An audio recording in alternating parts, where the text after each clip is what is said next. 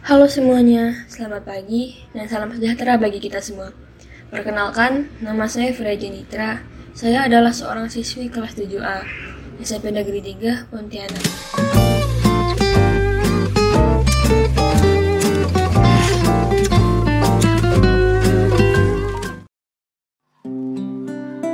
Pada podcast kali ini, saya akan membicarakan tentang kata-kata bijak.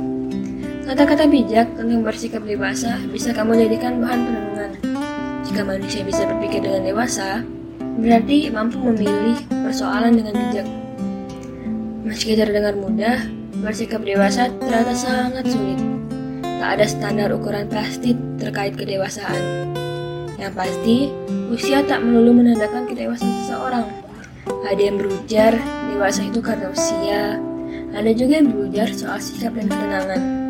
Namun, kerap kali kita berpikir orang yang telah dewasa memiliki ciri-ciri seperti mau mengalah, bersikap tenang, pengertian, bisa memahami orang lain, dan memiliki konsep pemikiran yang terarah.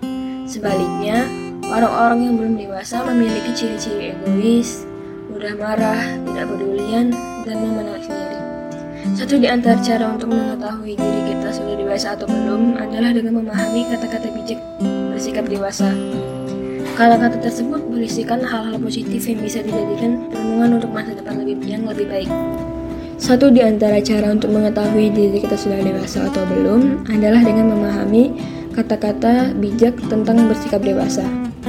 Kata-kata tersebut berisikan hal, positif yang bisa dijadikan perenungan untuk masa depan yang lebih baik. Berikut akan saya bacakan kata-kata bijak yang dapat kita selapi maknanya.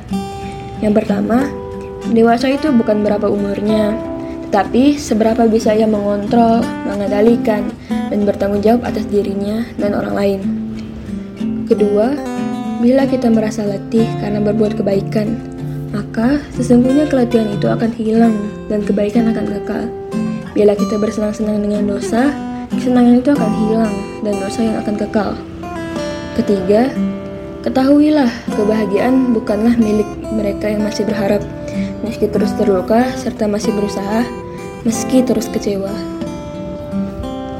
Keempat, jangan memaksakan diri untuk bertahan yang ter terus-terusan. Itu akan membuatmu kecewa, karena bisa jadi kamu sangat berharga bagi orang lain.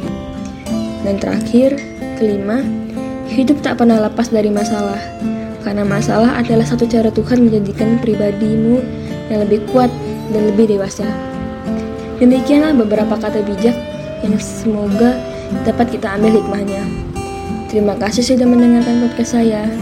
Sekian, terima kasih.